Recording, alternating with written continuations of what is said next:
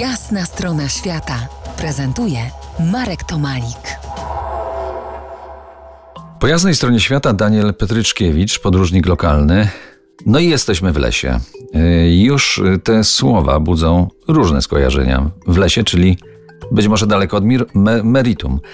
No to zbliżmy się. W artykule dla pisma piszesz: Będąc w lesie, przyjmowałem jego trwanie za pewnik. Myślę, że większość z nas tak myśli, widząc monumenty drzew, zwykle mocno starszych niż my sami.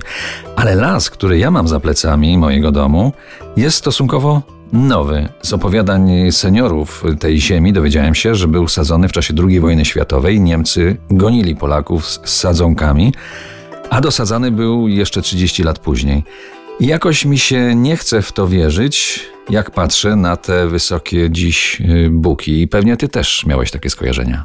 Pewnie, że tak. Wiesz, no, y, ja patrzyłem sobie na historyczne mapy y, fotograficzne robione z powietrza tego lasu, o którym opowiadałem na samym początku, to wiesz, 60-70 lat temu tam były pola uprawne. Ten las zasadził człowiek. E, I jakby w, m, nie ma w tym żadnej sprzeczności, żeby dalej ten las zachować. Bo popatrz, jak popatrzymy sobie ogólnie na statystyki, to tej dzikiej przyrody, tak naprawdę nieprzekształconej przez człowieka, to zostały jakieś znikome procenty w skali globalnej. I teraz być może to myślenie o tym, żeby czynić sobie tą ziemię poddaną, no to już nie będę się wnikał tutaj w filozofię, tak, bo się nie do końca zgadzam z tym, z tym akurat cytatem e, biblijnym.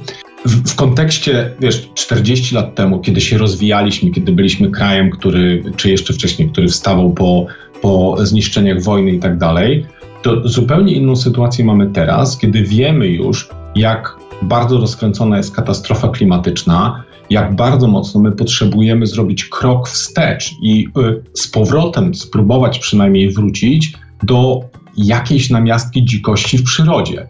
Polsce jest y, sporo terenów leśnych, oczywiście mniej niż y, na Syberii czy pod europejską częścią koła polarnego, ale znacznie więcej niż na przykład w Belgii czy Holandii. Y, Wylesianie boli, czuję to na własnej skórze, jak słyszę dzwoniące piły koło mojego domu w Beskidzie Małym.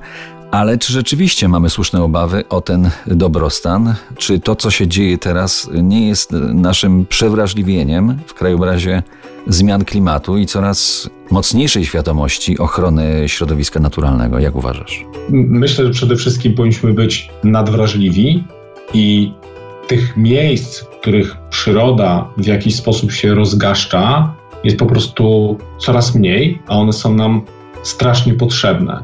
Jeden z rozmówców, jak pisałem artykuł do pisma, powiedział mi o tym, że jeżeli my myślimy, że potrafimy stworzyć las, albo posadzić las, stworzyć jezioro, albo bagno, to jesteśmy w ogromnym błędzie, bo na to, żeby się te ekosystemy odtworzyły, potrzeba setek lat i to się wymyka w ogóle naszemu pojmowaniu świata i naszej temporalności. My możemy posadzić drzewa, ale my nigdy nie odtworzymy lasu, albo przynajmniej nie odtworzymy go za życie jednego pokolenia ludzkiego, bo las tworzy się setki lat. To jest Jasna strona świata w RMS Classic.